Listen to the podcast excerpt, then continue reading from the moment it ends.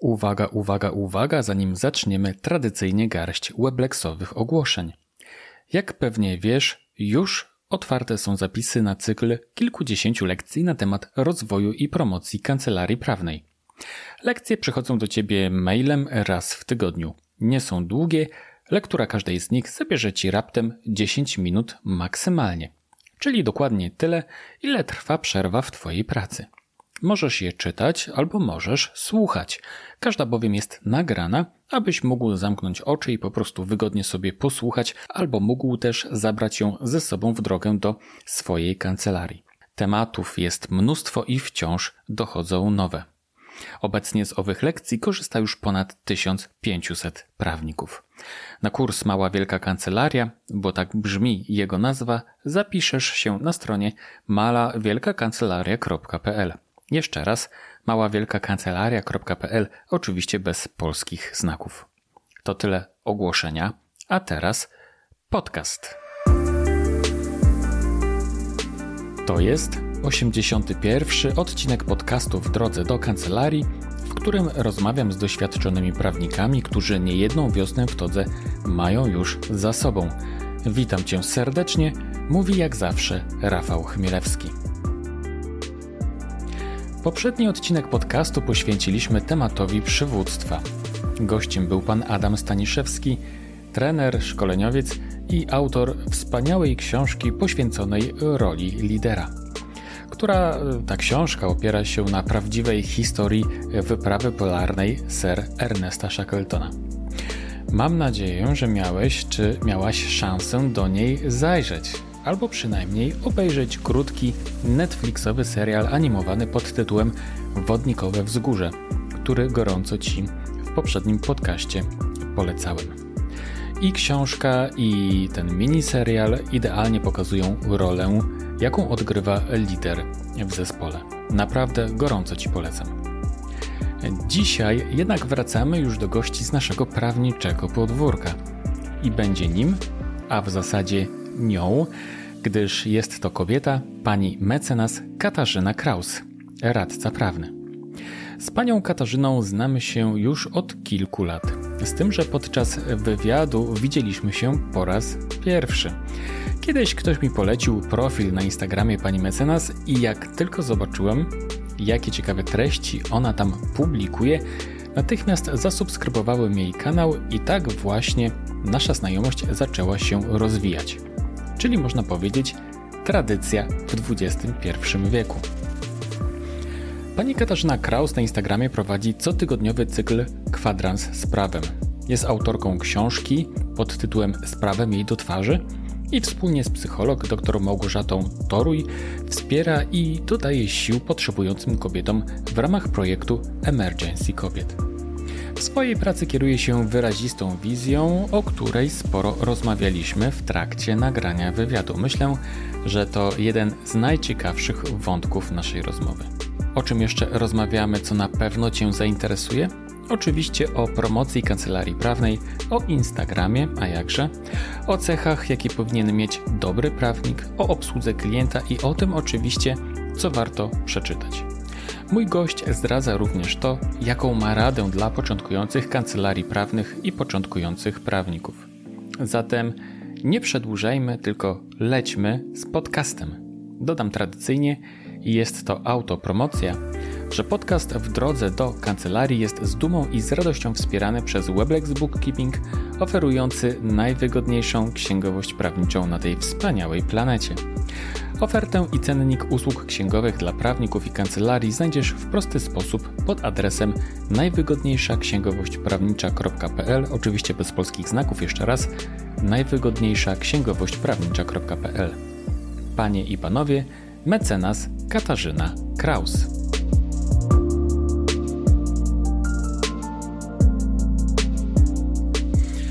Gościem kolejnego odcinka podcastu w drodze do kancelarii jest pani mecenas Katarzyna Kraus. Witam cię Katarzyno. Dzień dobry i witam ciebie również. Powiedz mi tak od razu na samym początku, dlaczego pani mecenas Kraus wspiera tylko kobiety, a nie mężczyzn? Czuję się wykluczony.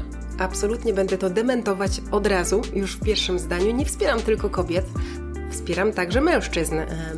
To, że mam profil na przykład na Instagramie, który się nazywa Sprawem jej do twarzy, albo napisałam książkę, która jest głównie dedykowana do kobiet, jest pisana z myślą, może tak, pisana jest z myślą o kobietach, ale ona jest także dla mężczyzn. Między innymi jeden z e, rozdziałów jest zatytułowany Szanowny mężczyzno, gdzie wyjaśniam e, tym mężczyznom, którzy mogą i lub będą chcieli przeczytać tę książkę, dlaczego właśnie w takiej formie została ona napisana, a nie innej i zostało to poprzedzone konsultacjami, które odbyłam z mężczyznami właśnie. Okej. Okay. Książka jest jeszcze dostępna? Książka jest cały czas dostępna z prawem jej do twarzy o bezpieczeństwie prawnym w związku. E, generalnie o bezpieczeństwie e, w związku, e, bo to dotyczy kwestii prawnych i finansowych. W jaki sposób zabezpieczyć się zarówno w związku partnerskim, jak i w związku małżeńskim, zamierzając wejść w jakikolwiek związek, bo to nie jest tak, że już tylko ta książka mówi o tym, co zrobić, jak jesteś w związku, ale o czym warto pomyśleć, zanim wejdziesz w którykolwiek związek i zanim zdecydujesz, jaki ten związek miałby być. Okej. Okay to może napiszesz następną książkę pod tytułem Z prawem im do twarzy. Rozważałam to, o. E, czy ta książka rzeczywiście mm, powinna być e, napisana i taki tytuł też był rozważany, ale po tym jak rozmawiałam z kilkoma mężczyznami, oni stwierdzili, że wiesz co, Kaśka, my tej książki nie przeczytamy. Mówi, ja kupię i dam mojej dziewczynie, żeby ona ją przeczytała i powiedziała, co jest dla nas ważne. E, I kilka koro mężczyzn e, w ten sposób właśnie wyraziło swoje zdanie i stwierdziłam, że że właśnie w ten sposób zostanie, że skoro też profil mój e, nazywa się sprawem jej do twarzy, jej, czyli mi, bo to chodziło o, o tytuł, dotyczył mnie, nie o tym, że sprawem do twarzy innym kobietom, tylko że mi do twarzy sprawem. E, no i tak jakoś się potoczyło. E, Ale książka zdecydowanie e, jest e, dla mężczyzn również, także moje porady, wszelkiego rodzaju webinary, które prowadzę, bądź jakieś live'y. Czasem, pomimo tego, że zwracam się do kobiet, to nie znaczy, że jakby uważam, że, że, że mężczyźni są dyskredytowani, albo że mm, mężczyźni to samo zło. No absolutnie tak nie uważam. Ale moglibyśmy podyskutować na ten temat, bo, bo co prawda samo zło to nie ale jednak gdyby tym światem rządziły kobiety, to pewnie byłoby inaczej. Mam na myśli lepiej.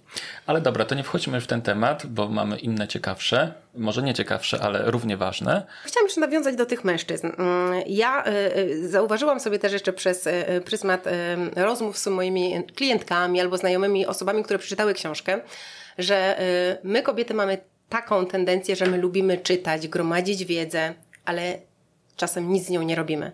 A na przykład idziemy e, na szkolenie i dowiemy się czegoś e, ważnego na tym szkoleniu, opowiemy to swojemu facetowi i później to facet podejmuje działania. Ja tak na przykład mam, e, czasem trafiają do mnie mężczyźni, którzy dzwonią do mnie i mówią, dzień dobry, moja narzeczona była na szkoleniu i wysłuchała pani live'u albo tam pani jakiegoś tam szkolenia i chcieliśmy się umówić na spotkanie i konsultacje w zakresie umów małżeńskich. Mhm. Także kobieta była na szkoleniu, a na spotkanie się umawia facet. No dobrze, ale na stronie internetowej masz napisane, że wspierasz kobiety, też, że taka jest twoja misja. Tak o misji sobie jeszcze chwilkę porozmawiamy. E, ale wiesz co, ja uważam, że to jest bardzo dobry kierunek, tak, żeby określić się w jakiś sposób, że nie dla wszystkich, tylko dla, e, dla jednej grupy, w tym przypadku, w twoim przypadku są to kobiety, bo i tak, i tak mężczyźni przychodzą, tak siłą rzeczy po prostu. Ale wcześniej e, znalazłem taką starą stronę internetową Twoją, gdzie było napisane, że, e, gdzie jest napisane, bo ta strona wciąż e, istnieje, skoro ją znalazłem wczoraj, że specjalizowałaś się w prawie wspólnot mieszkaniowych na przykład, w prawie kanonicznym i w wielu innych różnych dziedzinach. I co spowodowało tę zmianę u Ciebie? Ta strona rzeczywiście powstała e, na początku mojej e, prowadzenia, jak zaczynałam w ogóle swoją działalność e, gospodarczą i prowadzenie kancelarii, gdzie człowiek nie wie, co powinien wpisać na tej stronie internetowej i za bardzo co określić, więc wydaje się nam, że im więcej opiszemy, tym będzie lepiej. Mhm. Ale prawo wspólnotowe i prawo dotyczące generalnie mieszkaniowe wzięło się stąd, że ja przez 10 lat pracowałam w spółdzielni mieszkaniowej. Pracując w spółdzielni mieszkaniowej zajmowałam się też wspólnotami i stąd wzięło się właśnie ten zakres, którym ja nazywam, znaczy tak, nie powinno się mówić, jeżeli chodzi o radców prawnych i adwokatów, że się w czymś specjalizujemy jakoś tak e, e, za bardzo, prawda, bo my możemy gdzieś tam ukierunkować nasze e, zakresy działania bardziej bądź mniej, bo jednak w Polsce nie ma tych takich specjalizacji mhm. szeroko rozumianych, ale, ale no, możemy w czymś być lepsi. E, mhm. No i e, w mojej opinii ja e, posiadałam bardzo dużą wiedzę w zakresie prawa wspólnot mieszkaniowych oraz spółdzielni mieszkaniowych i wiedziałam, że w tym zakresie mogę bardzo dużo pomóc swoim klientom, nie tylko tym indywidualnym, ale także też wspólnotom mieszkaniowym i spółdzielniom mieszkaniowym. I stąd był taki zakres działania wynikający głównie z doświadczenia, które się wzięło poprzez dziesięcioletnią pracę. E, prawo kanoniczne e, no. wyniknęło z prostego, e, dla mnie prostego powodu.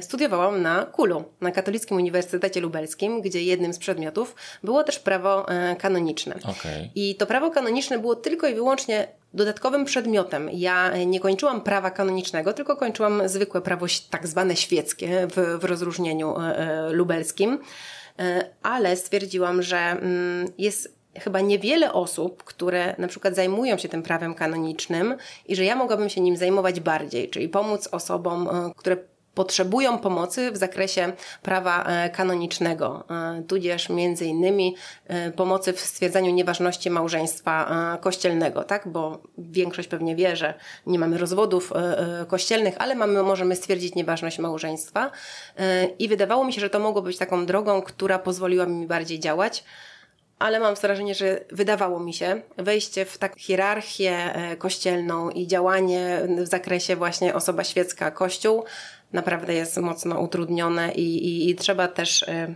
wtedy przynajmniej te x lat, 10 lat temu to, to nie było tak łatwo te cudzysłowie rozwody kościelne nie były tak popularne jak teraz. Teraz one są naprawdę coraz bardziej, coraz łatwiej dostępne, jeżeli tak mhm. mogę odmienić, coraz bardziej dostępne. No i zaczęłam bardzo dużo y, y, czytać o tym, y, poszerzać swoją wiedzę i wchodzić w to bardziej, ale stwierdziłam, że, że jednak to nie jest moja działka i że nie chcę tego robić po prostu. Mhm. Ale wtedy mieszkałaś w Lublinie? Czy... Nie, mieszkałam w Warszawie. Ja w Lublinie w tylko i wyłącznie studiowałam. Po zakończeniu Aha. studiów y, zamieszkałam w Warszawie. Okej. Okay. A co spowodowało, że się przyniosłaś do Warszawy?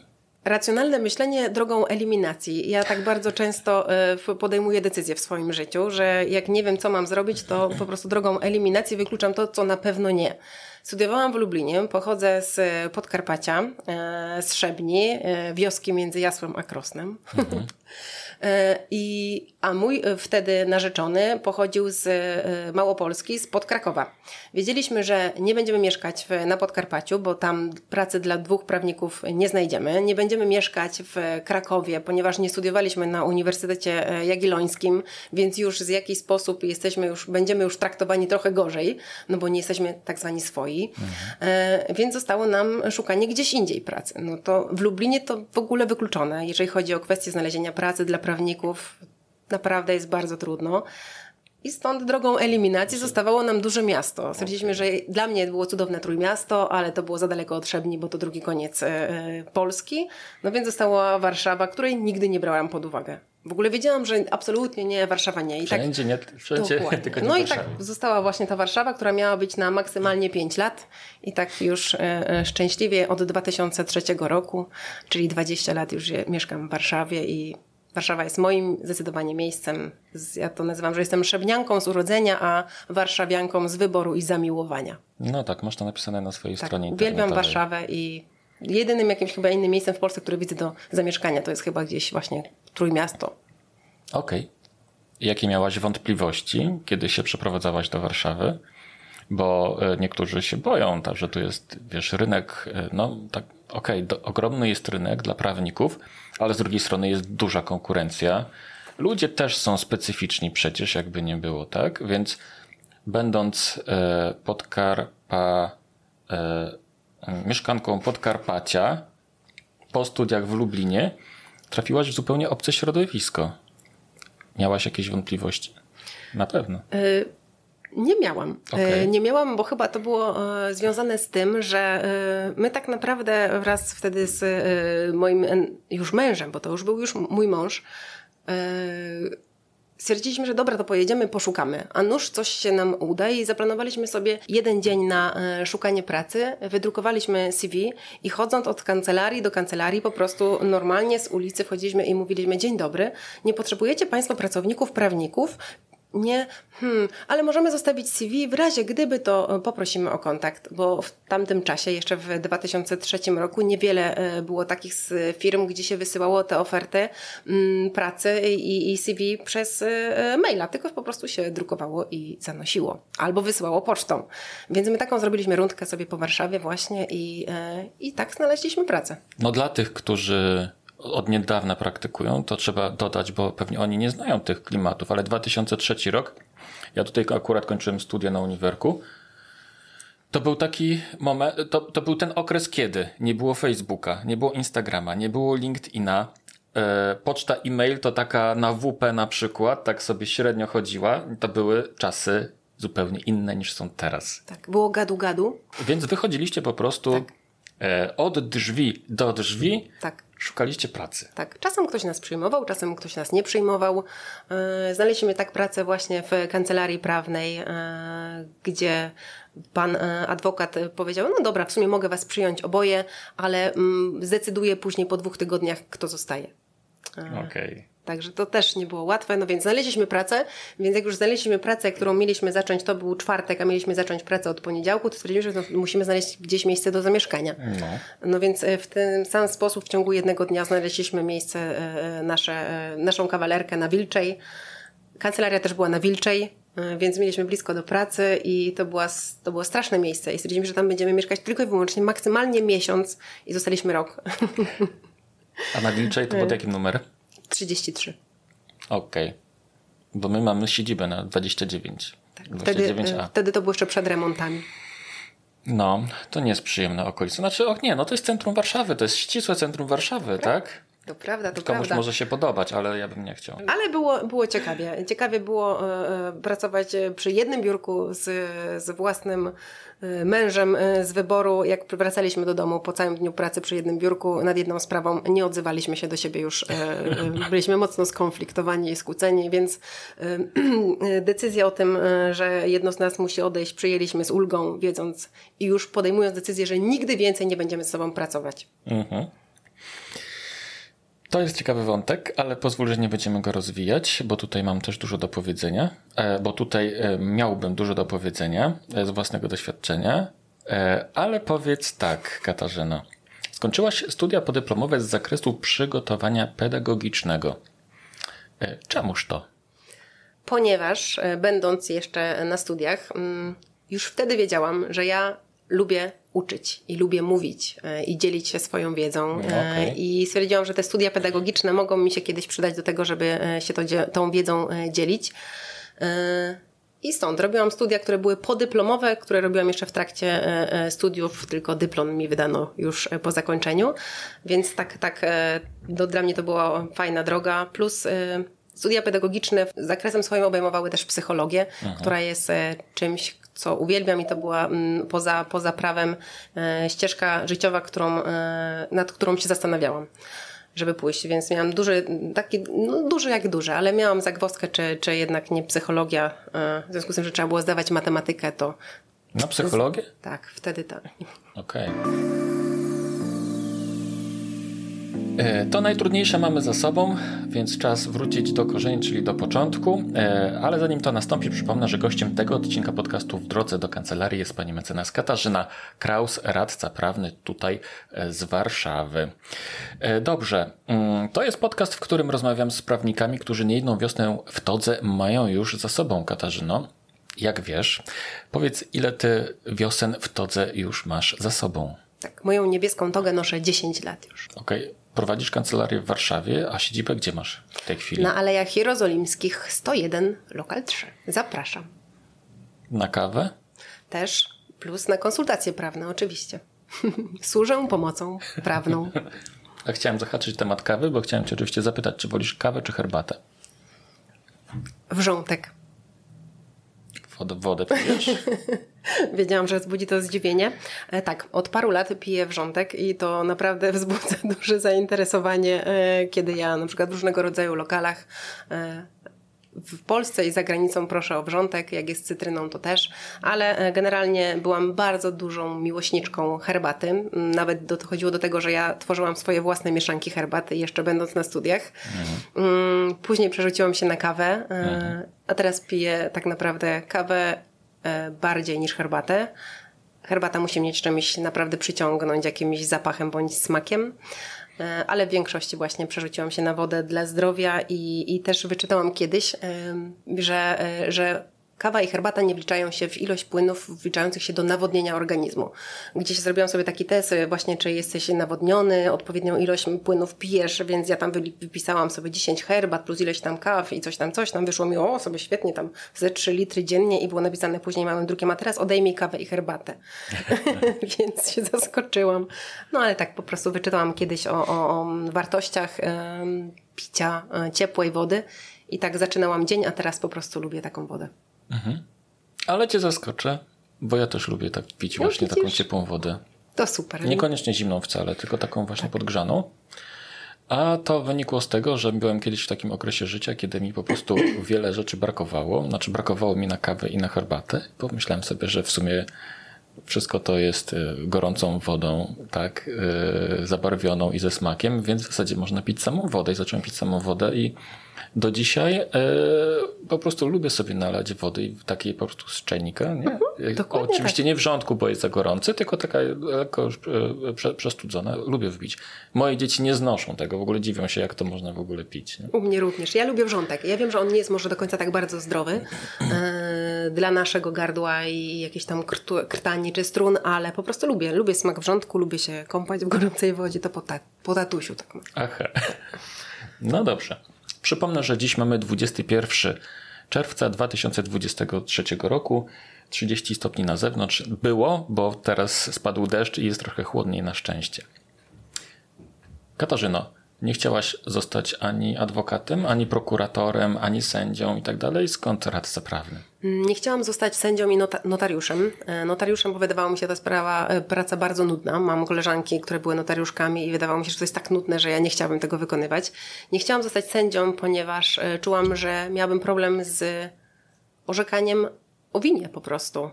Że mogłabym komuś wydać zły wyrok i po mhm. prostu to byłoby coś, z czym mogłam sobie nie poradzić po prostu. Więc wiedziałam, że miałabym problem z orzekaniem, więc e, sądownictwo odpadało. Chciałam być zawsze prokuratorem.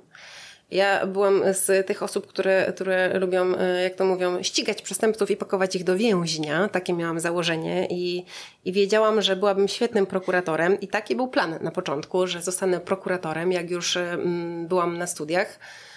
Ale w tamtym czasie mm, zadziały się mm, Wtedy i trochę później zadziały się dwie sytuacje. E, raz, e, że została mm, e, oblana kwasem jedna z prokurator REK, mhm. Pro, mhm. pani prokurator mhm.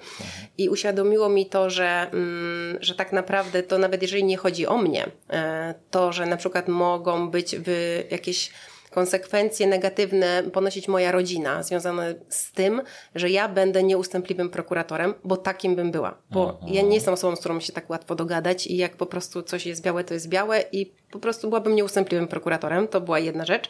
Okay. A druga, później nastąpiły zmiany polityczne i, e, i stwierdziłam, że też nie byłabym za dobrym prokuratorem, ponieważ Czyli trzeba być... W 2005 roku, to masz na myśli? Też, e, ale wcześniej jeszcze tak naprawdę już e, wchodziło mi powoli w głowę, że, mm, że ja tak nie bardzo lubię się mm, podporządkowywać po prostu decyzjom politycznym, które wynikają z polityki, prawda? Mhm. Więc, więc to stwierdziłam, że no Mm, długo bym tym prokuratorem pewnie nie pobyła po prostu. Z, nie z wyboru, tylko po prostu by mnie wyrzucili albo by mnie gdzieś zesłali na jakieś, e, e jakieś małe miejsca. Do jasła by do, do jasła. No może i by do jasła.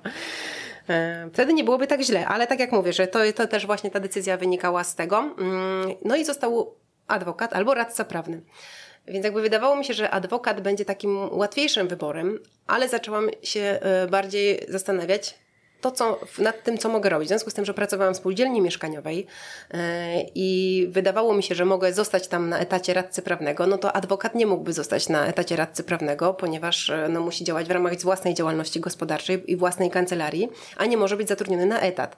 Yy, to był jeden argument przeważający za mm, samorządem radcowskim i dodatkowy był bardzo prozaiczny mm, bo gdzieś wyczytałam, że są niższe składki.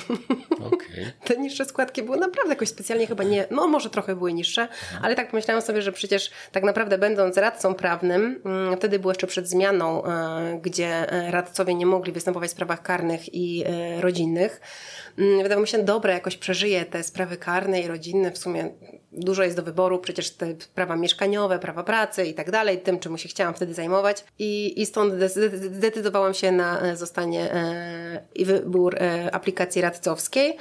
Tak, a teraz zajmuję się głównie prawem rodzinnym i karnym. I aplikację gdzie kończyłaś? Tutaj? W Warszawie, tak. Już tutaj. W Warszawie, tak. No dobrze, prowadzisz kancelarię jednoosobową. Tak. Ale miałaś wcześniej wspólniczkę? Nie.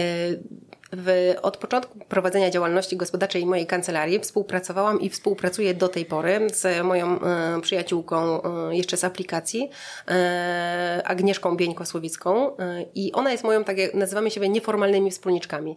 E, razem pracujemy Czyli od początku, mm, tak, e, razem pracujemy, współpracujemy, prowadzimy wiele spraw też razem. Jesteśmy nawet w jednym pokoju. Mamy wspólny, wspólny pokój też taki roboczy w kancelarii, ale, ale to był mój świadomy wybór, że nie zdecydowałam się na założenie spółki, a taki był plan, że miałyśmy założyć spółkę e, partnerską i, i, i prowadzić e, razem e, kancelarię. U mnie zadziałały dwa takie czynniki, które wpłynęły na to, że ja nie zdecydowałam się na spółkę. Jednym powodem był mój rozwód, a stwierdziłam, że ze spółką to tak jak z małżeństwem tak naprawdę nie wiadomo, które gorsze do, rozło- do rozwiązania. I dwa, prowadziłyśmy też sprawę takich klientów, którzy prowadzili spółkę cywilną i oni się byli początkowo przyjaciółmi, prowadzili świetnie swoją e, spółkę, a później się okrutnie pokłócili i, i, spółka się rozpadła i stwierdziłam, że ja nie będę przez to przechodzić, więc współpracujemy z Agnieszką. Agnieszka ma swoją działalność gospodarczą, ja swoją działalność gospodarczą. Działamy w ramach po prostu rozliczania się fakturowego, e, jeżeli coś chcemy robić razem. Jasne. razem, ale oddzielnie. Jasne. E, przyjmijmy, przyjrzyjmy się w takim razie misji, którą masz wyartykułowaną tak ładnie na swojej stronie internetowej, bo masz tam napisane tak. Mój zawód jest moją misją. Staram się wypełniać ją m.in. poprzez aktywne wspieranie kobiet w dążeniu do niezależności, świadomości prawnej i finansowej, zadbania o siebie i swoje potrzeby. Więc mam takie pytanie do Ciebie, Katarzyno. Skąd y, taka świadomość tego, żeby kierować się jakąś misją przy wykonywaniu tego zawodu? Zaczęło się chyba od tego, że mm, kiedyś zastanowiłam się nad swoją pracą y, i nad swoim życiem czy ja coś e, lubię i chcę i w ogóle robię w życiu poza e, po prostu pracą. I okay. stwierdziłam, że tak naprawdę ta praca wypełnia mi większą część swojego, mojego życia i zaczęłam się zastanawiać, czy to mi przeszkadza. Mm, bo wszyscy tak mówią, że o Boże, pracocholik, że, że tak tylko pracujesz i nic innego nie masz. E, I zadałeś mi tutaj pytanie, którego nie zadałeś e, o, o hobby i się cieszyłam, że mi go nie zadałeś, bo nie wiedziałam, co mam powiedzieć poza tym, że moim hobby jest moja praca. E, czekaj, czekaj, czekaj. Ono jest na liście, tak? Musiałam tak, je pominąć. Dobrze, tak. to wrócimy do tego pytania. Nie, nie wracajmy, jeszcze, nie wracajmy, bo już odpowiedziałam. I, mm, I stwierdziłam, że tak naprawdę ta praca wypełnia mi e, moje życie i ona jest ogromnie dla mnie ważna. I zaczęłam się zastanawiać, dlaczego. I ta, e, ten opis e, właśnie, że ta praca to jest moja misja, to mm, powstał już w czasie pandemii, kiedy powstał też projekt Emergency Kobiet który prowadzę wspólnie, prowadziłam i też w jakiś sposób jeszcze został e, wstrzymany, ale gdzieś tam sobie się tli jeszcze z, z moją przyjaciółką, psychologiem, coachem Małgorzatą Toruj. Misja po prostu pomocy, e, gdzie stwierdziłam, że ja nie jestem takim typowym prawnikiem. Może tak sobie chcę myśleć, może tak wielu prawników sobie myśli. Dla mnie głównym punktem działania nie jest, w życiu prawnika nie jest zarabianie pieniędzy. Uważam, że zawód prawnika, tak jak zawód, nie wiem, księdza, nauczyciela, lekarza, jest to zawód, który powinien też wynikać z powołania i mój zawód tak, e, dla mnie taki zawód mój e, właśnie jest i stąd wynika. Decyzja o zostaniu prawnikiem nie była podyktowana chęcią zarabiania pieniędzy, tylko po prostu pomagania ludziom i pakowania złoczyńców do więzienia. Dlatego właśnie mówiłam, że stąd mhm. ta, ta, ta chęć zostania prokuratorem, bo ja chciałam naprawiać świat. Mhm. Taka właśnie, taka, taka zadaniowość i chęć e, polepszenia świata była mhm. zawsze takim moim takim, takim motywem przewodnim, e, bo bo chciałam robić lepiej, dla Polski zwłaszcza. No nie zawsze się to udawało, stąd stwierdziłam, że właśnie w jakiś sposób y, nadam y, czemuś więcej swojej pracy i, y, i tak naprawdę zrobiłam z tego misję też swoją i staram się ją szerzyć. I tak jak wspomniałeś, to jest tak, że aktywne wspieranie kobiet, między innymi to wiąże się z tym, że uważam, że kobiety nie chcą albo nie potrafią w taki sposób zadbać o swoje prawa, o swoje bezpieczeństwo, w jaki sposób czynią to mężczyźni, no a że ja mam właśnie tendencję do ulepszania świata, to chciałam pomóc tym słabszym. Mhm. I stąd między innymi właśnie wzięło się e, to wspieranie e, tych e, kobiet, projekt Emergency Kobiet, który mm, zaistniał w czasie pandemii, gdzie po chyba kilku miesiącach od, mm, od tego lockdownu, który był, gdzie zamknięto nas w domach, usłyszałam raport, że mm, ponad trzykrotnie wzrosła liczba przemocy w rodzinie. Ilość osób, które są dotknięte przemocą w rodzinie i tych zgłoszeń, które są i, i tak stwierdziłam, że że rzeczywiście to jest coś, co jest trudne dla osób, które żyją z e, osobą mm, przemocową, bo tak to wychodziliśmy do pracy, tak. prawda? Spotykaliśmy się z Dobrze. takimi e, tymi katami, e, przemocowcami, no jednak w ograniczonym zakresie, a tu zostaliśmy zamknięci, więc te czynniki wzmagające przemoc e, zostały zwiększone i stąd też zwiększała się przemoc w rodzinie i, i, i też e, e, taki właśnie pomysł, żeby w jakiś sposób wspomóc te kobiety, pokazać im możliwości działania, możliwości podjęcia różnego rodzaju kroków, żeby spróbować się ratować z tych kwestii przemocowych, właśnie powstał. Raz z jednej strony właśnie z mojej strony prawniczej, a dwa Gosia, która jest psychologiem, która też dzieliła się swoją wiedzą psychologiczną i wskazywała czynniki wywołujące przemoc i to, w jaki sposób my działamy jako e, ofiary przemocy, no powodowało to, że miałyśmy bardzo dużo później takich jakby mm, kontaktu zwrotnego osób, które, które do nas pisały, ale nie pisały e, w sposób jawny. Mhm. Dużo miałyśmy takich informacji, że one na przykład, bo to było cykl pięciu takich spotkań na Facebooku, gdzie e, na przykład część osób nas oglądało, a część osób pisało do nas, że nie mogą wejść na live'a, bo nie chcą, żeby ktoś widział, że one oglądają wtedy na przykład e, taką, okay. taki live. Więc to pokazało, jak duża jest skala przemocy mhm. naprawdę w Polsce i na świecie oczywiście też, no ale my działamy w ramach Polski. Mhm. E, że, że warto się tym zająć i między innymi właśnie stąd ta, ta misja, bo pokazywało mi to doświadczenie, że jeżeli mężczyzna potrzebuje czegoś, coś potrzebuje zrobić, podjąć jakieś decyzje, to to robi, a kobieta myśli. Mhm. Myśli i rozpatruje w kategoriach jak to wpłynie na wszystkich innych, na jej rodzinę, mhm. na dziecko, nawet rozpatruje, czy będzie miało to negatywny wpływ na tego kata, dajmy na to męża czy partnera, z którym żyje. Po prostu wszystkie bierzemy pod uwagę czynniki, niekoniecznie te dla nas e, dobre. Mhm, mhm. Czyli rozumiem, że e, sformułowanie swojej własnej misji pozwoliło ci jakby nadać takiej głębi. Tak temu, czym się zajmowałaś, zajmujesz na co dzień. Tak. I to też spowodowało, że ja poczułam taką pewność, że chcę to robić. Jak już spisałam tą swoją misję i, i, i tą, y, to, czym ja się wtedy już chcę zajmować, to stwierdziłam, że to mi daje taką większą motywację do działania, y, mhm. bo y, to wszystko, co tutaj się zadziało, czyli ten projekt Emergency COVID, ja to nazywam, że pandemia w jakiś sposób uratowała moje prawnicze życie, bo to był czas, kiedy ja miałam totalne wypalenie zawodowe i szukałam innej pracy. E, okay. Innej pracy, okay. nawet takiej, żeby pójść do sklepu sprzedawać i nie chciałam już w ogóle być prawnikiem. E, zadziały się takie różne sytuacje, gdzie, gdzie doszło do mnie jak ogromną odpowiedzialność, e, zarówno finansową, jak i w ogóle cywilną i karną ponosimy jako prawnicy i jaki duży mamy mm, czasem wpływ na życie innych ludzi, jak dużo od nas zależy i dla mnie akurat odpowiedzialność właśnie i empatia, którą niestety mam. Mówię niestety, bo ona bardzo mi przeszkadza. E, może nie bardzo, ale przeszkadza mi czasem w byciu prawnika, prawnikiem, e, powoduje właśnie, że, że, mm, że to są takie dwa elementy i czynniki najtrudniejsze w, w życiu moim jako prawnika i, I to spowodowało to ogromne wypalenie zawodowe i stwierdziłam, że ja już, już więcej nie chcę. A przyszła pandemia i stwierdziłam, że dobra, jak już, już nie chcę być tym prawnikiem, ale wykonuję jeszcze tak z rozpędu tam niepokończone prace, to, to później właśnie weszła kwestia emergency kobiet i stwierdziłam, że już zanim przestanę być tym prawnikiem, to może zrobić coś dobrego jeszcze dla innych. E, więc znowu to robienie czegoś dobrego, e, czyli ulepszanie świata, mm, w jakiś sposób się wpisało w, znów w to moje życie i, i dało mi po prostu nowego nie wiem, poślizgu rozpędu wręcz mm, otworzyło, nie wiem, autostradę. Bo ja bardzo często mówię o tym, że misja jest potrzebna, nie? bo ona właśnie, ty to fajnie nazywałaś, że to da, dodaje takiego rozpędu. Pozwala spojrzeć na to, co robimy z jednego punktu widzenia, z takiego bardziej no, empatycznego, jakby nie było. Tak jakkolwiek ta misja by nie była, to ona jednak odwołuje się w pewnym sensie do emocji.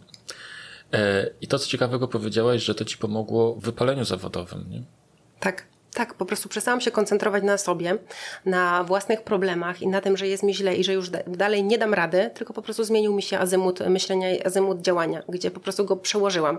I ja wiem, że to tak wcale nie jest łatwo wyjść z wypalenia zawodowego, naprawdę czasem, czasem potrzeba lat, a czasem tak. totalnie zmiany swojego życia. Tak. I tak jak mówię, mnie w jakiś sposób pandemia e, uratowała.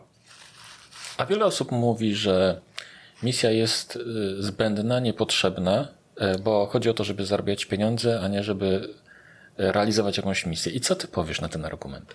Powiedziałabym tak e, troszkę zazdraszczam. No. Ja wiem, że to tak e, może zabrzmi śmiesznie, ale mm, zastanawiałam się kiedyś właśnie, ponieważ też mam znajomych, którzy e, są prawnikami, którzy nie mają żadnej misji, chcą po prostu, głównie pracują w korporacjach e, albo w kancelariach, które zajmują się firmami, którzy chcą zarabiać pieniądze i dla nich to jest główny motyw. E, po prostu, e, bo prawnik dobrze ustawiony zarabia duże pieniądze. Na ogół. No ale ja tak nie mam. Mm, więc jeżeli ktoś potrafi i w ten sposób mm, jakby ten zawód traktuje, no to dla mnie jest to ok. Ja wiem, że ja tak nie mogę traktować swojego zawodu i nie chcę, nigdy nie chciałam. Dlatego mówiłam, że od początku przyświecał mi cel po prostu pomocowy i, i, i tego właśnie, że jest to zawód z powołania, powinien być. Ja tak mam taki pogląd, że, że ten zawód e, e, jest takim zawodem właśnie, który gdzieś tam powinien być e, taki pomocowy, chęć służenia e, też innym ludziom. Służenia nie znaczy, że za darmo musimy wszystko robić, tak? Tylko, że daje swoją wiedzę, daje e, swoje doświadczenie, chce im nieść pomoc. To, że jest to pomoc odpłatna, u mnie akurat w wielu też przypadkach nieodpłatna, ale, ale generalnie jest to jednak pomoc. E, I trzeba się jednak też mierzyć, zwłaszcza w sytuacjach, kiedy obsługujemy e, klientów indywidualnych i tak jak ja, kiedy prowadzę sprawy rodzinne, kiedy prowadzę sprawy przemocowe bądź karne, no to jest to mm, z większym takim ciężarem e, emocjonalnym, które trudno jest tak traktować i pamiętać, przynajmniej mi jest trudno, że prowadzę je od godziny na przykład 10 do godziny 15, zamykam kancelarię i już, już ich nie ma. No ja tak nie mam. Mm, stąd dlatego mówiłam, że przeszkadza mi czasem bycie e, e, empatką, e, mhm. bo ja przeżywam sprawy swoich klientów i prowadzę je w taki trochę może bardziej empatyczny sposób niż, niż standardowo to powinno być. No ale nie wiem, czy są jakieś takie standardy działania. Spotykam się regularnie z informacjami od moich klientów, że jeszcze nigdy się nie spotkali z takim podejściem i działaniem. Więc, więc przyjmuję, że, że gdzieś tam może trochę inaczej to wygląda. Okej, okay. czyli w Twoim przekonaniu kierowanie się misją nie oznacza koniecznie tego, że się przymiera głodem. Nie, nie. Uważam, że da się radę połączyć e, te, te, te, te dwie kwestie, zarówno właśnie misji, jak i w działaniu, jak i zarabiania pieniędzy. Uh -huh, uh -huh. A przynajmniej chcę w to wierzyć. Jeśli ja mogę się wypowiedzieć jako, choć nie jestem przepytywany, tak, ale gdyby tutaj w tym podcaście, w tej rozmowie, w tym wywiadzie. Ale jeśli ja mogę, mógłbym się wy, e, wypowiedzieć w tym temacie, to uważam, że to zdecydowanie pomaga w zarabianiu pieniędzy. E, z mojego tego kilkuletniego doświadczenia, czyli po określeniu tej misji i od początku pandemii, mamy 2020 e, rok, kiedy pandemia u nas się zaczynała, to, to tak, stwierdzam, że także na, miało to wpływ na moje zarobki. E, że na liczbę klientów, e, na budowanie swojej marki osobistej, e, rozpoznawalność i na to, co robiłam, czyli dotarcie do ludzi, że jednak to zaangażowanie i działanie pozwoliło dotrzeć do, do większej liczby osób. Miałaś kontakty od mediów? Jakieś? Yy... O gazet, nie wiem, telewizji, tak, portali yy, internetowych. Tak, tak, ale to już się zaczęło po tym, jak yy, rzeczywiście zaczęłam działać po Emergency Kobiet, bo poprowadziłyśmy z Gosią dwa cykle Emergency Kobiet dotyczące przemocy w rodzinie i rozwodów. No. Później ja bardziej starałam się rozbudować jeszcze swój Instagram, czyli działając bardziej w kierunku rozbudowania swojej marki osobistej, ale głównie tak naprawdę ja robię jedno tylko i wyłącznie staram się dzielić wiedzą e, w, na tym moim e, Instagramie. Nie mam e, płatnych webinarów, nie mam e-booków na sprzedaż Jeszcze? takich. Chyba nie, chyba, chyba nie, chyba no, nie. No, no. Stanęło na książce, aktualnie piszę drugą książkę, zaczęłam pisać drugą książkę. Zastanawiam się, czy rzeczywiście wydać ją w formie papierowej, czy nie jednak e-book, bo daje większe możliwości i mniej problemów, e, wydaje mi się. Więc nad tym się zastanowię, ale zmierzam do tego, że ja na tym Instagramie i Facebooku dzielę się e, wiedzą, dzielę, daję swoją wiedzę za darmo. Też e, zapraszano mnie, zapraszają mnie też różnego rodzaju firmy i organizacje do, do poprowadzenia jakichś tam szkoleń i też miałam przyjemność być zaproszona do Miasta Kobiet do udzielenia takiej rozmowy też dotyczącej właśnie praw kobiet i podejmowania decyzji o rozwodach ale to się już wzięło potem właśnie, kiedy się trochę już rozbudował y, mój Instagram i on się rozbudował sam. Po prostu y, ja nigdy nie korzystam z płatnej reklamy.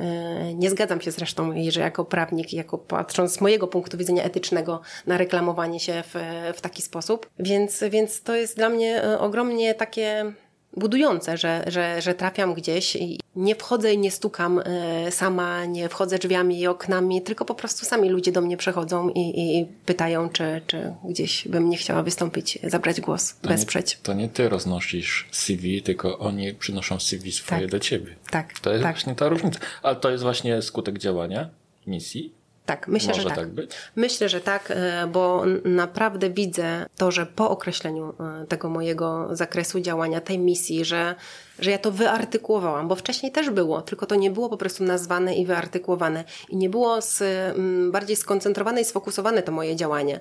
Czyli będąc młodym prawnikiem, e, człowiek bierze tę sprawę, która do ciebie przyjdzie.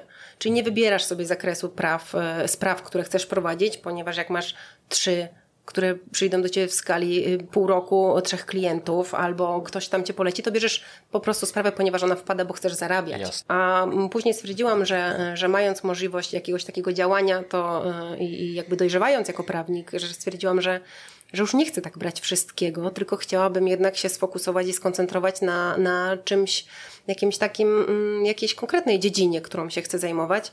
E, no i ta prawo rodzinne po prostu wyszło z jakby samo wyszło, bo wcześniej po prostu przychodzili do mnie ludzie, którzy chcieli, żeby poprowadzić ich sprawy, na ogół znajomi, ktoś tam mnie polecał, no i po prostu to tak już z rozpędu wyszło.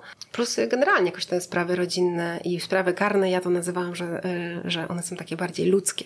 Ja je bardziej czuję, no bo dotyczą ludzi. Mhm. No i tam wchodzą właśnie te emocje, e, których wcale nie chcę, a jednak biorę na siebie. I ta misja po prostu została bardziej e, wyartykułowana, nazwana i ona gdzieś zaczęła trafiać. Mhm. Mam nadzieję, że będzie trafiać do e, jeszcze e, większej liczby osób i, i będzie się niosła. I, I tak, i ta świadomość, naprawdę świadomość, uważam, że w Polsce nie ma praktycznie, e, jeżeli chodzi o kwestię świadomości prawnej, do tego, jakie decyzje podejmować i w tej kwestii związkowej, o której pisałam w książce, naprawdę ona jest zerowa. Ja cały czas zachodzę mm, e, w głowę i zastanawiam się, dlaczego tego, co jest w mojej książce, nie informuje się na przykład nupturientów, tak ładnie to nazwijmy, narzeczonych, którzy zdecydują się zawrzeć związki małżeńskie. Mhm. To podstawowe prawa i obowiązki, które powinni, powinny wybrzmieć, naprawdę, kiedy idziesz do Urzędu Stanu Cywilnego i masz podpisać kwit, że mhm. decydujesz się, prawda, zawrzeć związek małżeński, to samo to, żeby ktoś ci powiedział, czyli pracownik Urzędu Stanu Cywilnego albo kierownik podczas ślubu kierownik stanu cywilnego, że chociaż to, że prawa i obowiązki małżonków są równe, mhm. a nie, że ktoś ma więcej, zwłaszcza ten, co więcej zarabia. Mhm, mhm. Och, tak, no dobrze, weszłam dobrze. na boczną ścieżkę. Tak, Przepraszam. to jest również ciekawy temat. E, ale wróćmy do głównego wątku. I tutaj pojawia się w Twojej historii Kamila Rowińska, znana przedsiębiorczyni, bizneswoman. E, jaki ona miała wpływ na Ciebie? Bardzo duży miała wpływ Kamila Rowińska. Ja uważam, że Kamila jest taką mentorką mojej zmiany. Poznałam Kamilę w 2015 roku już, e, czyli jeszcze wcześniej, 5 e, lat przed pandemią. Ukończyłam u niej e, chyba właściwie wszystkie szkolenia, które Kamila miała, bo to są szkolenia rozwojowe. Z budowania zespołu, z mistrza sprzedaży, asertywności, produktywności. Zaczęło się totalnie przez przypadek, ponieważ ktoś mi wręczył jakieś darmowe bilety na kongres kobiet. I tak poznałam tam po prostu Kamilę Robińską, która miała swój chyba pół godziny wykład i stwierdziłam, że jest takie coś jak rozwój pozazawodowy, mm, bo wcześniej jakoś tak e, wydawało mi się, że no dobrze, jak idę na szkolenia, no to idę, nie wiem, no będę robić na przykład prawa handlowego albo prawa amerykańskiego, albo będę rozwijać siebie jako po prostu prawnik głównie pod względem takim zawodowym, stricte zawodowym, prawda, z przedmiotów zawodowych takich, no. A tu się okazało, że można rozwijać siebie jeszcze w taki inny sposób. A mi się zawsze wydawało w ogóle, że ja jestem kobietą e, niezależną i taką e, silną, no bo jak słyszysz, mówię, potrafię e, być wygadana i wydawało mi się, że właściwie to nie ma mocnych na mnie, ale jak przychodziło co do czego, to się okazywało, że ja jednak jestem wycofana, nie mam poczucia wartości i pewności siebie i tutaj zadziałała Kamila Rowińska, z nią poszedł rozwój, moje zmiany, między innymi pierwsze rolki, które nagrałam, pierwsze storiesy, bo miałam problem w ogóle z wysławieniem się, bo teraz ja sobie z sobą swobodnie rozmawiam, a kiedy spotkałbyś mnie pewnie z 7 lat temu, to by było... Yy i na tym by się zakończyło. Mhm. W sądzie nie ma problemu, mhm. ale jak miałabym powiedzieć cokolwiek o sobie, mhm. to nie powiedziałabym pewnie ani jednego zdania. E, więc Kamila e, Rowińska, ja uważam właśnie, że była mentorem moich zmian, e, mojego rozwoju. Też jej firma jest wydawcą mojej książki. E, bo wiele lat mnie namawiała do tego, żebym napisała książkę, ponieważ ja występowałam na e, jej szkoleniach Kobieta Niezależna. Miałam swój moduł właśnie prawny, kiedy, gdzie, gdzie mówiłam właśnie o tych kwestiach świadomości prawnej i bezpieczeństwa prawnego. No i tak to się zaczęło właśnie, e, to, to moje działanie szkoleniowo-pisarskie. Dzięki uważam Kamili i jestem jej naprawdę bardzo wdzięczna mhm. za, to, za to, w jaki sposób mnie zmotywowała i, i, i zadziałała w moim życiu. Czy książka, którą napisałaś za namową właśnie Kamili Rowińskiej, czy ta książka przynosi ci klientów? Hmm, nigdy się nad tym nie zastanawiałam, bo jakby dla mnie książka powstała, ponieważ uważałam, że ona powinna powstać, że jest za dużo wiedzy tam, która e, jest ważna i, nie, i też widzisz, i na tę książkę nie patrzyłam z punktu widzenia zarobkowego też. Wiedziałam, że, że wydając y, książkę y, w wydawnictwie Kamili, nie e-booka y, za 100-200 zł, tylko książka papierowa, czy tam 300, bo i takie widziałam publikacje, tylko książka papierowa no nie może być taka prawnicza, nie dla prawników, prawda, tylko taka dla zwykłych, w cudzysłowie, ludzi. Nie może być też droga, więc wiadomo, że jeżeli sprzedajesz książkę za 59 zł, odejmując koszty wszystkiego rodzaju, to twój zarobek jest tam niewielki, ale zależało mi na tym, żeby ta książka powstała i dotarła do jak największej liczby e, e, osób, kobiet i mężczyzn, bo mężczyźni też ją kupują pomimo tytułu. Ale czy przynosi mi klientów, wiesz co? Chyba nie. Ja ją traktuję bardziej jako e, uwiarygodnienie trochę siebie i swojej marki tego, co ja wiem, tego, o czym mówię i w jaki sposób mówię. I to jest taki zaczątek chyba wiedzy, która do ludzi gdzieś tam sięga i mają możliwość zastanowienia się nad sobą. I rzeczywiście Część osób przychodzi, ale większość przychodzi już wtedy bardziej patrząc y, z punktu widzenia, jak słucha mnie na przykład na Instagramie. Już stwierdzam, że więcej klientów przynosi mi Instagram, o dziwo. Mm, to nie jest jakaś zatrważająca i ogromna liczba, ale co jakiś czas się y, ktoś znajduje i przychodzi z, dlatego, że zobaczył mnie na Instagramie y, albo ktoś udostępnił jakieś moje nagranie, ale, ale w większości to no, trudno jakby, jakby tutaj zaprzeczać, że jednak w większości chyba, mm, nie wiem jak twoi wcześniejsi, bo słuchałam tylko chyba z parunastu Twoich podcastów, wszystkich nie przesłuchałam, 80, e, ale uważam, że jednak w życiu prawniczym to jednak e, polecenia to jest po prostu podstawa e, naszych klientów. Owszem. Owszem, dlatego ten poradnik, który napisałem z Elżbietą Van Sleben, to właśnie dotyczy poleceń tak naprawdę, tak. a nie obsługi klienta. Obsługa klienta jest tylko takim narzędziem właśnie do, do poleceń. Tak. Czyli masz klientów z polecenia. Głównie z polecenia. Głównie, e, Głównie z polecenia e, klienci polecają, po, podają w cudzysłowie mnie sobie e, nawzajem i, i to mnie bardzo cieszy, bo to też jakby pokazuje, że sposób w jaki ja obsługuję tych klientów, w jaki o nich dbam, to co robię i jaka ja jestem, powoduje, że oni do mnie wracają albo mnie polecają. Tak. Mm, bo działając w kancelarii jednoosobowej przy obsłudze osób indywidualnych najczęściej, czasem i firm, no to nie okłamujmy się. No, no nie działa nasze biuro i nasza pani sekretarka, czy tam ktoś inny, tylko po prostu my. To, co, jak, jacy jesteśmy, w jaki sposób rozmawiamy z naszymi klientami, w jaki sposób o nich dbamy i podchodzimy, czy będą nas polecać i wracać do nas, czy też nie. Mhm, mhm. To pogadajmy chwilę o Instagramie. Jasne. Ponieważ y, ja miałem pierwszy kontakt z Tobą, Katarzyną, na Instagramie. Kiedyś, nie pamiętam, ktoś polecał Ciebie i po, popatrzyłem, co robisz i pomyślałem sobie, wow, całkiem fajnie to wygląda. I zasubskrybowałem wtedy twój profil, żeby się dowiedzieć więcej i ciebie tak troszkę popod, w cudzysłowie popodglądać, tak? Co robisz, w jaki sposób i tak dalej. Masz na swoim profilu ponad 6,5 tysiąca obserwujących.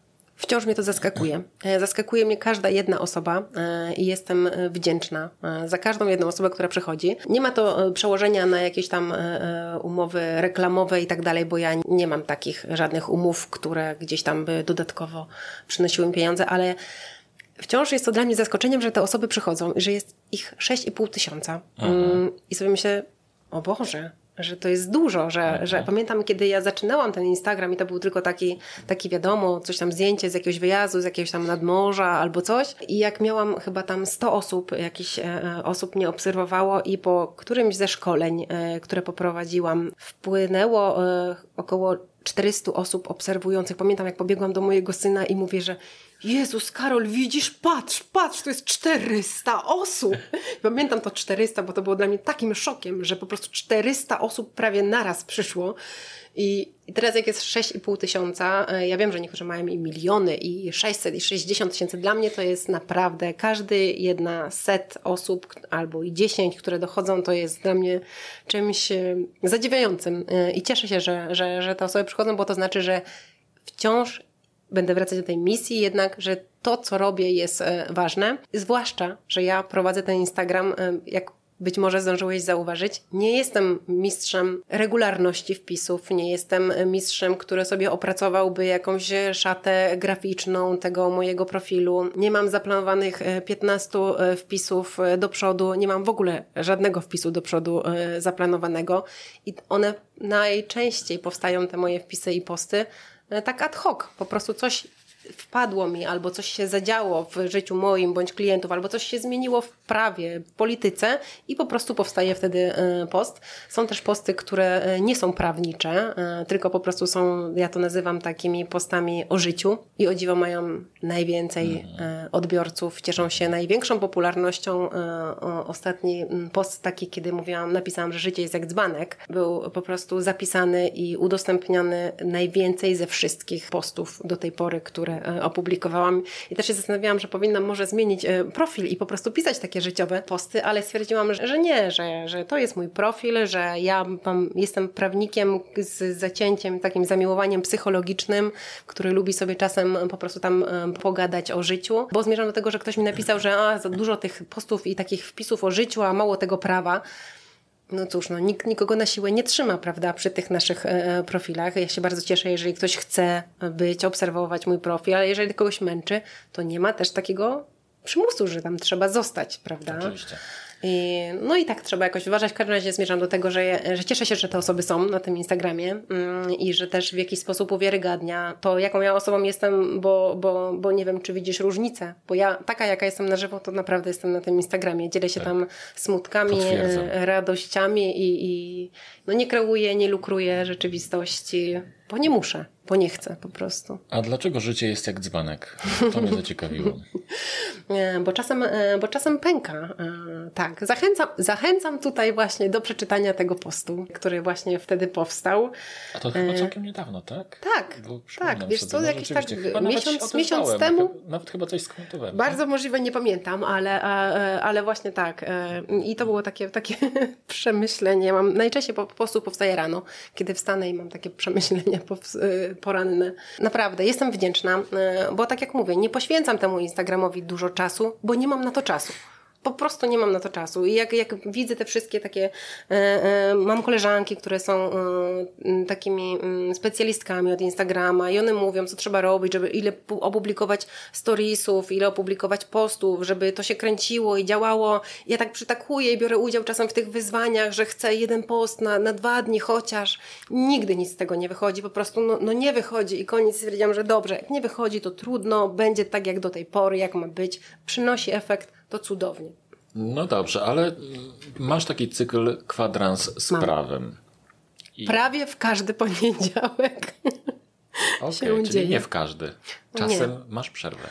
Czasem jest tak, że e, albo jestem okrutnie zmęczona i nie mam siły, albo zachoruję, mm, albo coś się zadzieje takiego ważnego, że, że e, nie mogę po tego e, kwadransa poprowadzić, ale to są takie właśnie sytuacje, gdzie mm, staram się, żeby one były wyjątkowe, że, że ten kwadrans, który gdzieś tam zobowiązałam się do tego, że będę go prowadzić i dzielić się z, z ludźmi wiedzą, to że go po prostu będę prowadzić, bo to jest tylko kwadrans. Dla niektórych się wydaje, że to jest tylko kwadrans, a to jest czasem aż kwadrans, bo żeby poprowadzić ten kwadrans, ja potrzebuję około czasem dwóch, trzech godzin, żeby się przygotować e, merytorycznie też do tego, bo to nie jest tak, że ja sobie siadam i gadam.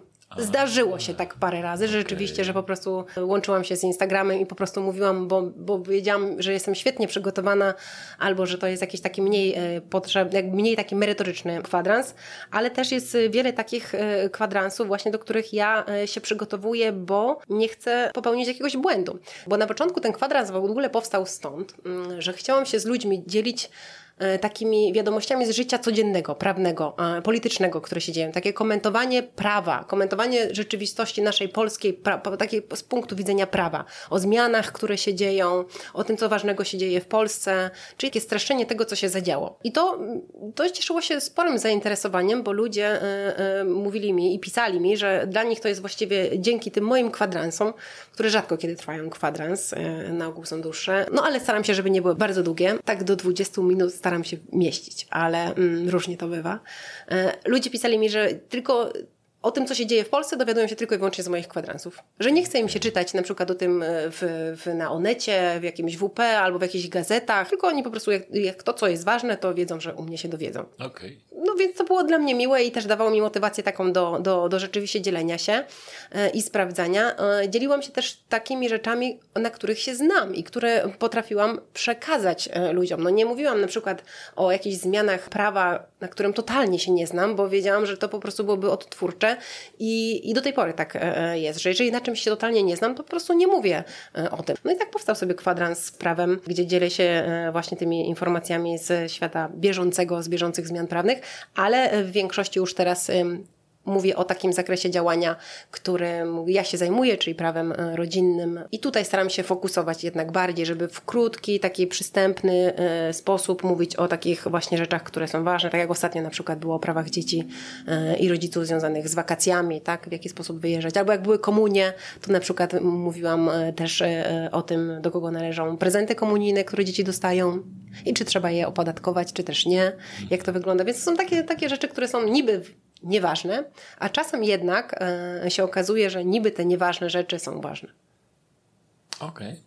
Ale też, przepraszam, jeszcze zapomnie, no. zapomniałam powiedzieć, w tych kwadransach e, z prawem e, poruszałam też kwestię przemocy. Mówiłam o przemocy, mhm. o rodzajach przemocy, w jaki sposób sobie radzić i te przemocowe kwadranse są też po prostu no, mocne tematy. Pomimo tego kwadransa, no, wtedy było przedłużone. Wtedy, kiedy potrzebowałam omówić coś bardzo ważnego, to raz w miesiącu na początku jeszcze prowadziłam taki, taki cykl live'ów e, Katarzyna Prawi. E, I to było godzinne takie live'y, ale one były dla mnie takie mocno takie...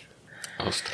Tak, bo one wtedy właśnie były bardziej takie, no, mocniejsze w tematach. Z tego, co mówiłaś, to zrozumiałem, że są ludzie, którzy czekają na twój kwadrans. Tak, tak? tak. I to jest bardzo takie e, miłe i budujące, że nawet jak mi piszą, że dzisiaj nie mogę być na kwadransie, ale o. odsłucham, odsłucham i o. tak. I to jest super, naprawdę. I to też mi pokazuje, że, że nawet jak, jak czasem na tym moim kwadransie jest, e, nie wiem, na przykład 30 osób, to później widzę, jaka jest odglądalność i wyświetlenia też tego kwadransu, że są o wiele większe. I to mi naprawdę też pokazuje, że, że jednak no, warto jest dzielić się tą wiedzą, że to jest dla ludzi ważne, a mnie aż tak dużo to nie kosztuje. Oczywiście jest systematyczność mnie kosztuje i część na przykład swojego wolnego czasu, bo czasem tak. jest tak, że na przykład gdzieś się chcę z kimś umówić, e, mam jakieś tam na przykład możliwość po, nie wiem, pójścia na jakieś szkolenie, a mówię nie, poniedziałek, kwadrans z prawem, sorry, zmieniamy, mm. widzimy się we wtorek. No ta systematyczność jest chyba trudna. tak naprawdę. Trudna, tak. Znaczy ja tak wielokrotnie się zastanawiałem nad jakimś cyklem, ale nie wiem, czy ta systematyczność, czy bym dał sobie z tym radę właśnie.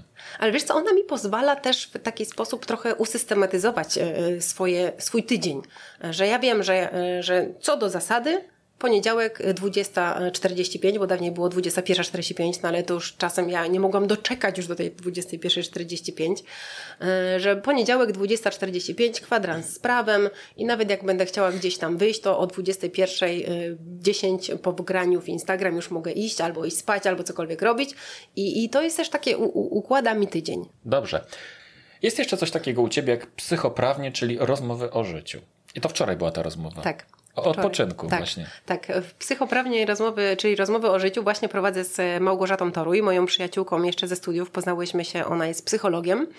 E, jest psychologiem, coachem e, i z nią prowadziłam właśnie Emergency Kobiet. E, kiedyś tak totalnie przypadkowo zadałam gości na Instagramie pytanie dotyczące jakoś takiego... Mm, mm Coś było o dzieciach, e, że takiego radzenia sobie chyba mm, z takimi wyrzutami sumienia rodzicielskimi, że jak nie zajmujemy się dziećmi, to mamy wyrzuty sumienia, że nie pracujemy, e, nie rozwijamy się, a jak się rozwijamy i pracujemy, no to mamy wyrzuty sumienia, że nie zajmujemy się dziećmi i tak dalej, i tak dalej. Tak. I jakoś tak zadałam Gosi pytanie właśnie, w, e, chyba w tym zakresie to było i Gosia mi odpowiedziała i tak pomyślałam sobie, że że to jest fajny pomysł na takie właśnie poprowadzenie takiej rozmowy prawnika z psychologiem, czy też psychologa z prawnikiem, gdzie mamy dużo w życiu takich e, pytań, zagwozdek e, różnego rodzaju życiowych. I zaproponowałam Gosi właśnie poprowadzenie takich live'ów, jakby już nie prowadziłyśmy tego naszego emergency kobiet, e, bo te cykle się skończyły, a nie miałyśmy pomysłu na to, co robić dalej, tylko gdzieś wracałyśmy i udzielałyśmy wsparcia osobom, które wtedy jakby też wykazały zainteresowanie albo wracają do nas, bo te, te live'y są dostępne też w dalszym ciągu z Emergency Kobiet. I, i powstał pomysł właśnie na, na, na takie rozmowy o życiu, e, no to skoro prawnik i psycholog, to wyszło psychoprawnie. Bardziej jest psycho niż prawnie e, na tych, na tych naszych rozmowach, ale akurat na psychoprawnie jest największa liczba osób, które regularnie przychodzą e, i czekają. To jest raz w miesiącu, więc, więc nie ma tego za często, ale tutaj mamy stałą e, liczbę osób, które są regularnie, regularnie przychodzą na psychoprawnie, biorą udział aktywnie, bo to są takie rozmowy, gdzie my z Gosią mm, zakładamy jakiś temat mm, o życiu, tak jak wczoraj było, prawda, o tym, że o odpoczynku, o umiejętności odpoczywania. Też było e, zarówno o, o przemocy, o związkach, o relacjach i tak dalej, i tak dalej. Raz, że my zakładamy jakiś temat i trudno nam się do niego przygotować, bo my z Gosią jesteśmy takie, że bardziej na żywioł idziemy, zakładamy sobie tylko na przykład trzy punkty, wypisujemy sobie, co chciałybyśmy, żeby na pewno brzmiało i te rozmowy i tak się toczą przez godzinę, bo staramy się aktywizować naszych o, o, uczestników. I pomimo tego, że to jest profil prawniczy, to, to i tak uważam, że te, te właśnie nasze psychoprawnie są fajnymi e, rozmowami. No dobrze, zejdźmy w takim razie z Instagrama, a wejdźmy na Twoją kancelarię. W jaki sposób jeszcze ją promujesz poza Instagramem? No masz dobrą obsługę klienta. Ja uważam, że to jest również strategia marketingowa i promocyjna. Więc masz dobrą obsługę klienta, dbasz o tego klienta, obsługujesz i tak dalej. Występujesz na Instagramie. Co jeszcze robisz, żeby promować kancelarię? Nic. Nic. Mówię to bardzo e, cicho i z taką troszkę, e, z troszkę wstydem, e, bo, e, no tak. bo miałam naprawdę duże, duże z pomysły. odczytałem, co mówisz, bo nie słyszałem. E, mm, bo nie robię tego i znowu wchodzi co? Czas.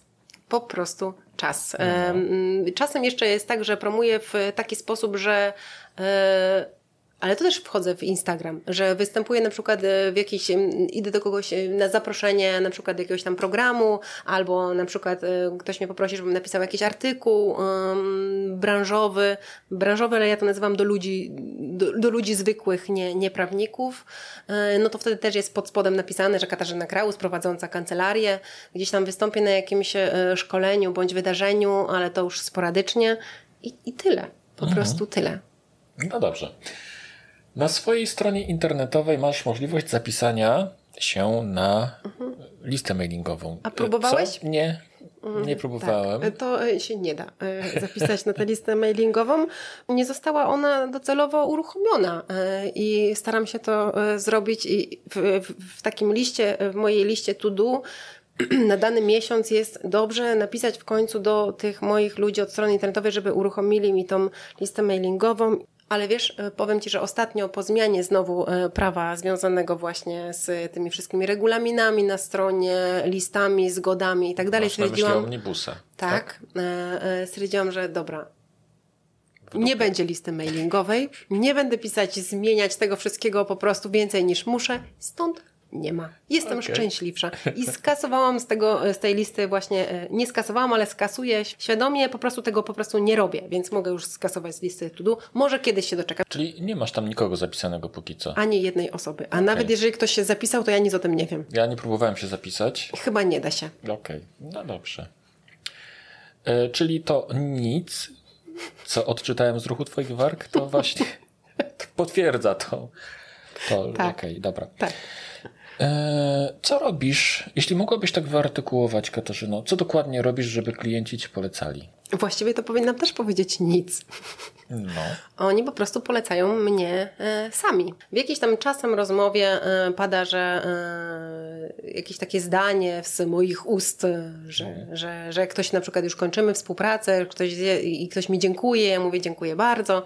Mówię to w razie potrzeby to oczywiście i konieczności, no to zapraszam e, i gdyby, gdyby słyszeli, że ktoś potrzebuje, ale to rzadko już, już pada, mhm. że ktoś potrzebuje pomocy prawnej, to proszę oczywiście dać kontakt do mnie, ale naprawdę no. Mhm. A jak dbasz o swoich klientów w takim razie? Wiesz to przede wszystkim y, staram się mieć z nimi kontakt, y, żeby ten klient nie czuł się po prostu porzucony. Y, czyli od początku takiej, takiej rozmowy i zaangażowania w, w sprawę i to jest przede wszystkim właśnie to zaangażowanie w sprawę, żeby pozwolić się klientowi wypowiedzieć, powiedzieć czego chce. I ja też nie mam takiego ograniczenia czasowego nie wiem, czy powinnam o tym mówić, ale do większość, do, do niewielu klientów pewnie trafia twój prawnik, bardziej do prawników, no, no nie, to podcast, Raczej, to mogę tak. mówić, ale może ktoś Śmiało mnie nie znienawidzi. tak, ja, no jak klient dzwoni wieczorem, to ja też odbieram telefony, odpisuję na, na SMS-y. No nie jestem takim prawnikiem, który po pierwsze jest mm, bardzo taki, taki restrykcyjny, jeżeli chodzi o godziny i dni odbierania i kontaktu z klientami, ale nie z każdymi, no nie z każdymi są tacy, którzy absolutnie nie odbieram i koniec. A tylko no, jak ktoś jest taki no, fajniejszy kontakt z tym klientem, to wiadomo, że wtedy odbieram bardziej ale e, to jest też tak, że ja też nie, też nie rozliczam tych klientów z każdego SMS-a i z każdej minuty, e, którą mu poświęcam, e, tylko wiem, że, że czasem jest klient, który potrzebuje więcej kontaktu, bo na przykład mam klientkę, która po prostu potrzebuje się wygadać. W związku z tym, że ja jestem empatką i z zacięciem takim psychologicznym, to, to też jakby tutaj te rozmowy czasem wykraczają poza ramy mm, prawnego. Y doradztwa. No nie doradzam psychologicznie, bo nie jestem psychologiem. Ja mogę tylko się dzielić doświadczeniem, które mam. I, i tutaj jakby trafia często właśnie na tą taką podatność e, i ta empatia powoduje, że że też ten e, kontakt z tymi klientami e, jest trochę inny, że mam wrażenie, że jest no taki, trochę taki bardziej. Mhm. I, I klienci to wyczuwają. I, i, I widzę, że, że sposób, ja myślę, że to też zależy od, nie wiem, trudno powiedzieć, żebym ja robiła coś takie bardzo świadomie. Ja mam wrażenie, że to jest też taki mój sposób bycia. Mhm. Trochę takiej bezpośredniości. Ja też czasem przeklinam. Ja wiem, że to tak w ustach kobiety może niekoniecznie, ale zdarza mi się też przy klientach też przeklinać i powiedzieć coś dosadnie, jak mnie coś zirytuje. E, no nazywać rzeczy po imieniu. Zdarza mi się poryczeć e, z, łącznie też z tymi klientami w różnych sytuacjach. Wiem, że to nie jest zbyt profesjonalne. Trudno, taka jestem ja. Ryczę czasem na rozprawach, e, jak są jakieś pokryjomu, no ale czasem tak jest. I no, no, no tak jest. Nic takiego strasznie świadomego yy, yy, nie robię. Staram się po prostu, żeby ten klient czuł się zadbany. I w zależności od potrzeb i rodzajów klienta w różny sposób to, to, to wygląda. To wynika z tego, że po prostu jesteś empatyczna i zwracasz uwagę na emocje tak. drugich ludzi. Tak. Chcesz, tak. żeby oni się czuli przy tobie dobrze, bezpiecznie. Tak, tak, dokładnie tak jest. Nie wiem, czy robiłeś kiedyś testy Galupa? Nie. Słyszałeś kiedyś o takim teście? To jest generalnie test kompetencji takich, prawda, e, e, takich twoich dobrych e, tak, stron. Tak. W moim teście Galupa praktycznie pięć testów tych moich top five wyszło relacyjnych.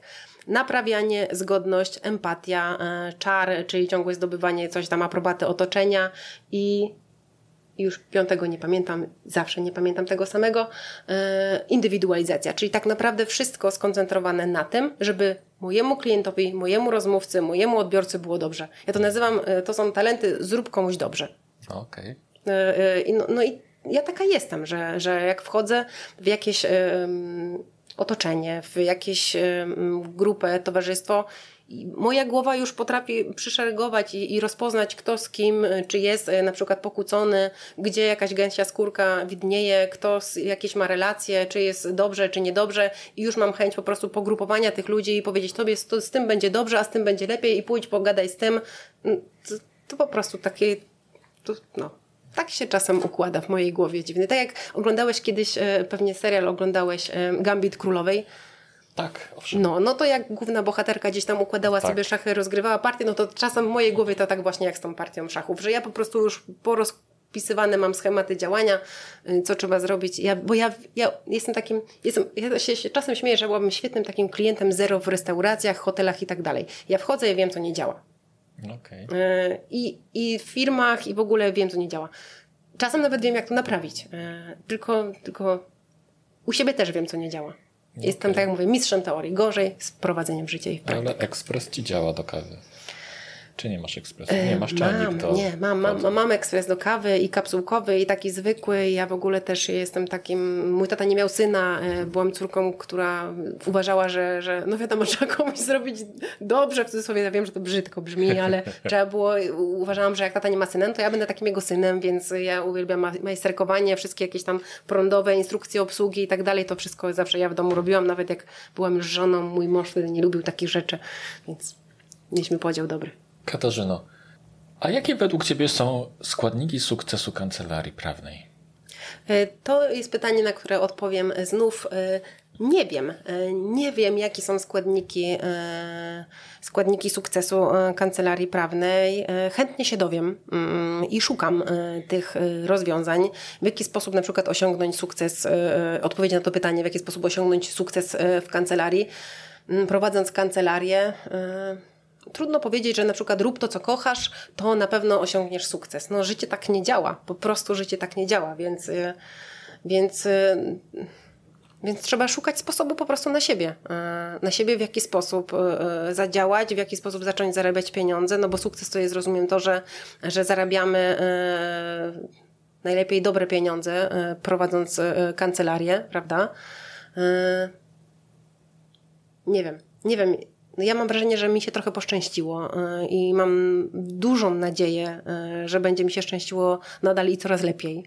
Mhm. Że, że, że to, ta moja kancelaria będzie prężnie działała, że moja marka osobista, moje nazwisko będzie coraz bardziej popularne, bo uważam nieśmiało, znaczy nie nieśmiało, mm, Uważam, że to, co robię, jest wartościowe. Mm, pewnie tak jak większość prawników uważa, że to, co robi, jest wartościowe i, i, i, i, i daje wartość i powinno po prostu się nieść. I ja będę robić to, co mogę, żeby, żeby, żeby to nieść, czyli będę rozwijać swoją kancelarię. Ja dalej będę się e, dzielić wiedzą za darmo, e, będę się dzielić tam, gdzie mogę, bo wiadomo, że nie tylko za darmo się dzielę swoją wiedzą, mm, ale uważam, że jednak część tej wiedzy naprawdę mi nie ubędzie, jeżeli po prostu ją dam. E, Zwłaszcza, że dzieląc się taką wiedzą, pokazujemy klientom, że nie mają tej wiedzy i że może muszą coś jednak zrobić. Bo skąd mają wiedzieć, że mają na przykład naprawić coś w swoim życiu prawnie, jak nie wiedzą, że mają popsute.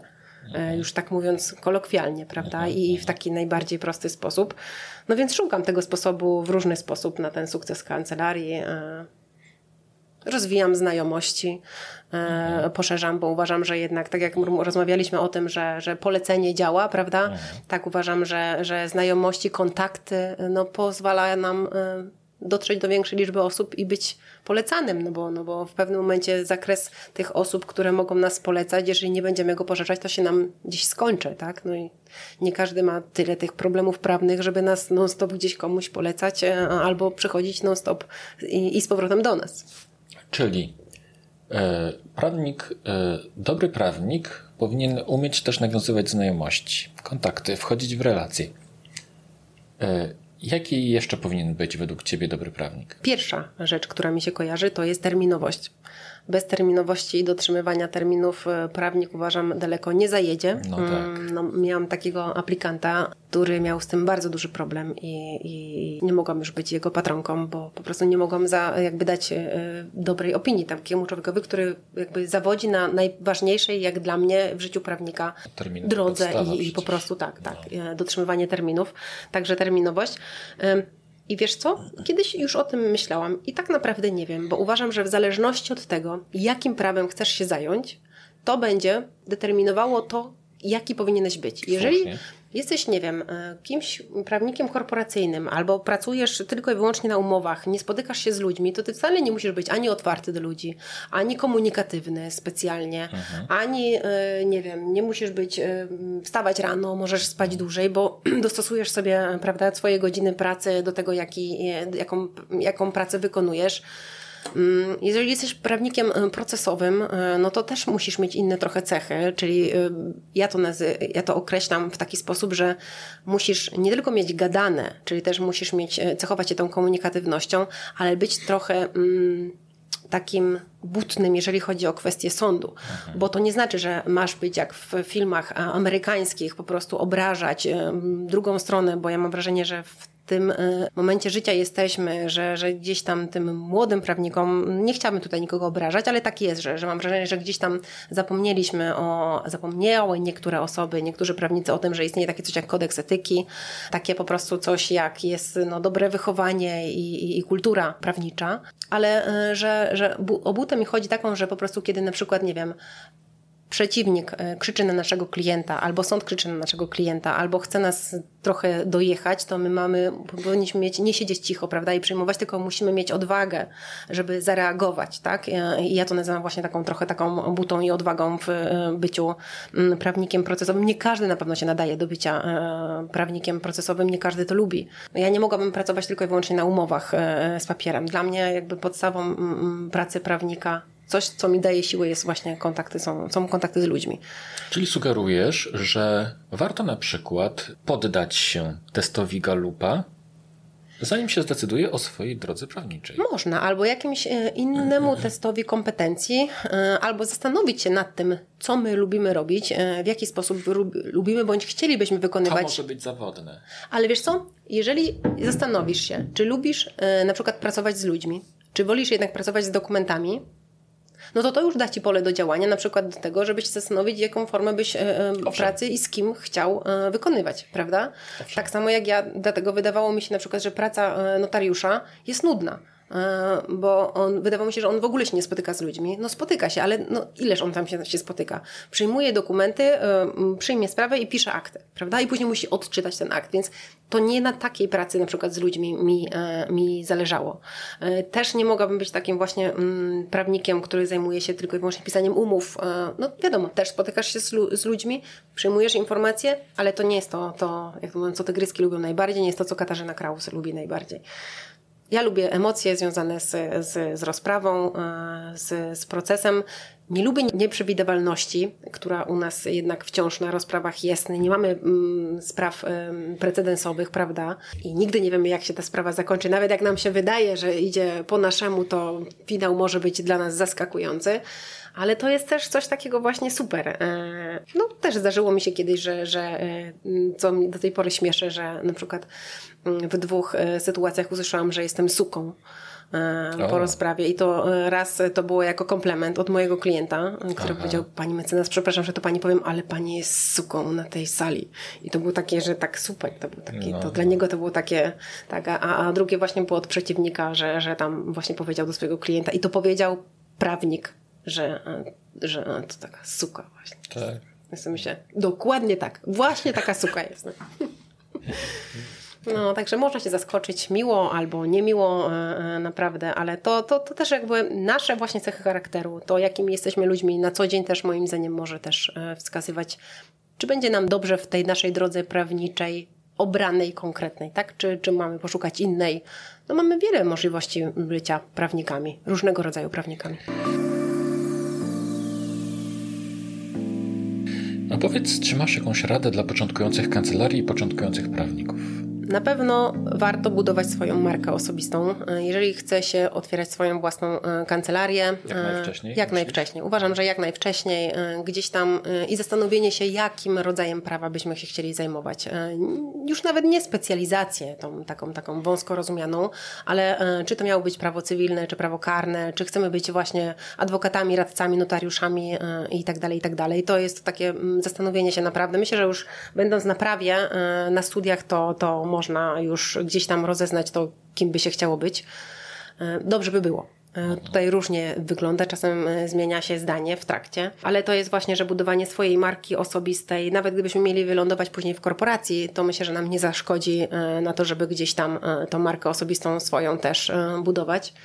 Mm, coś, co ja nazywam e, popełnianym często błędem, czyli e, wyrzucaniem się na kredyty i kupienie samochodu, najdroższej komórki i komputera na kredyt, jeszcze nie będąc, nie mając po prostu klientów takich, żeby ci przynosili po prostu możliwość spłacenia tych kredytów, leasingów e, i tak tak dalej. Więc ja to nazywam też mierzeniem sił na zamiary i poszukania sobie takiego zabezpieczenia. Ja jestem człowiekiem, który jest mocno takim.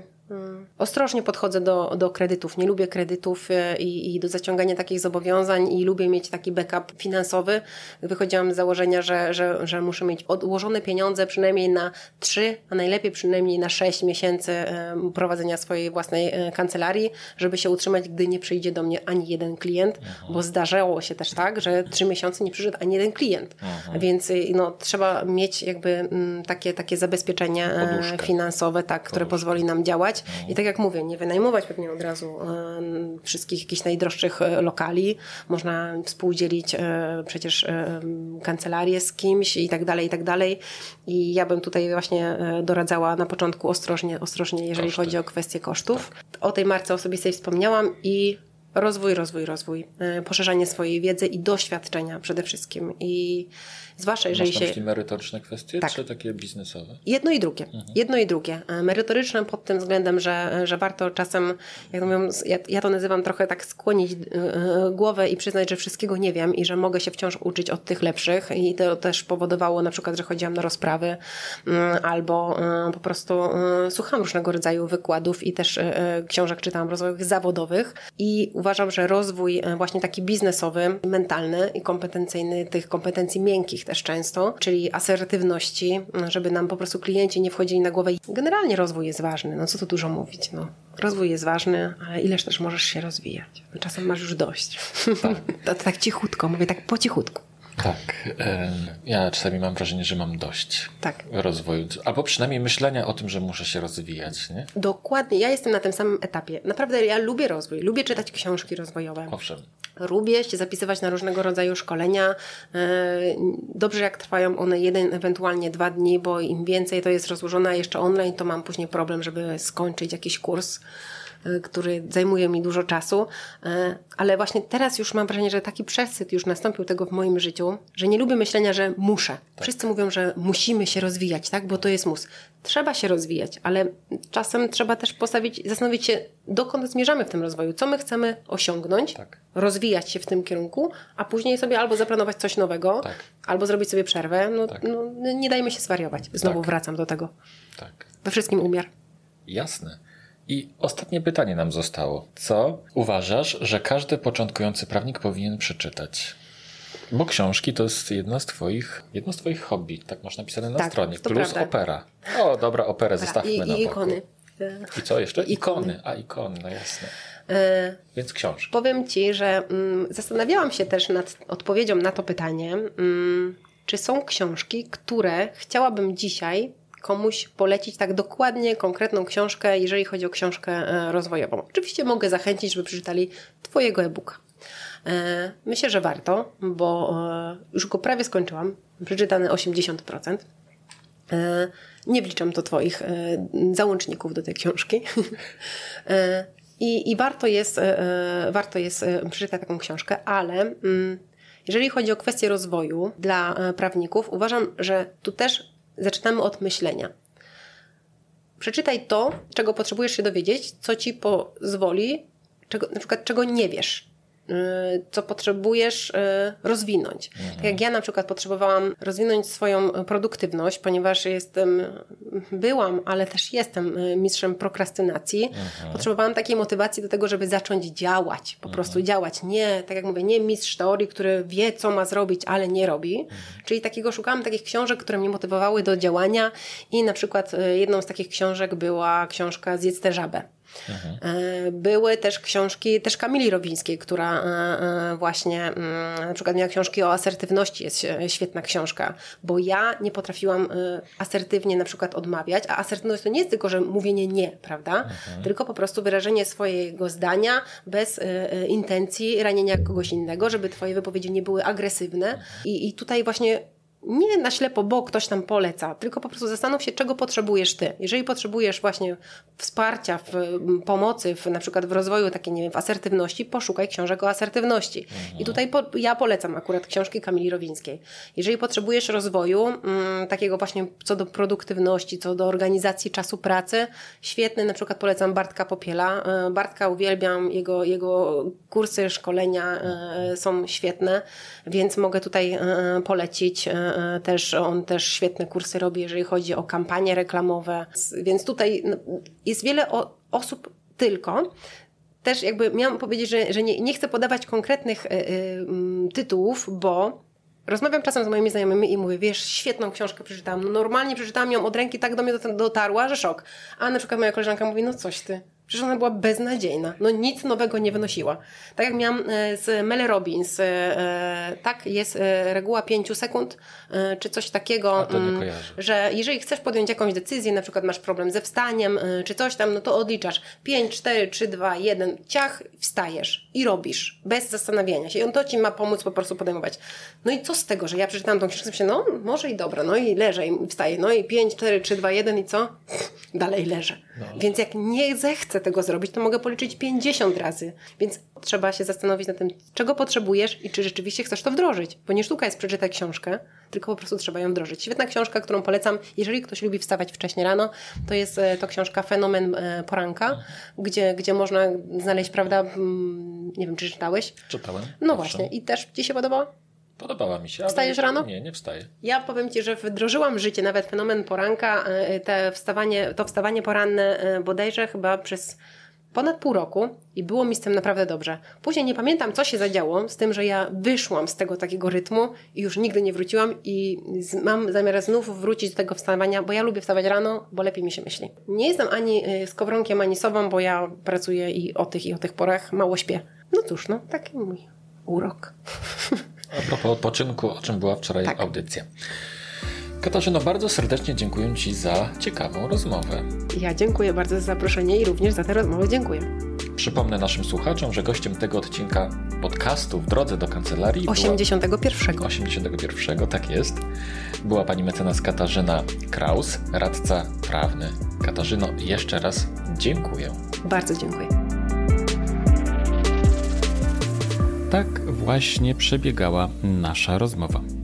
Na zakończenie mogę dodać, że właśnie ukazał się poradnik autorstwa mojego i pani mecenas Elżbiety Van-Sleben na temat wybitnej obsługi klienta w kancelarii prawnej. Jeśli chcesz mieć więcej poleceń w swojej kancelarii, to zajrzyj na stronę obsługa klienta kancelarii prawnej.pl i zobacz, jaka jest zawartość tego poradnika. Jeszcze raz adres obsługa klienta kancelarii prawnej.pl, oczywiście bez polskich znaków, bez kresek itd. Tak Dziękuję Ci bardzo za dzisiaj i do usłyszenia w kolejnym odcinku podcastu w drodze do kancelarii. Mówił Rafał Chmielewski, autor pamiętnika adwokata oraz szef w grupie Weblex wspierającej prawników i kancelarii prawne w zdobywaniu wielkiego i wspaniałego świata.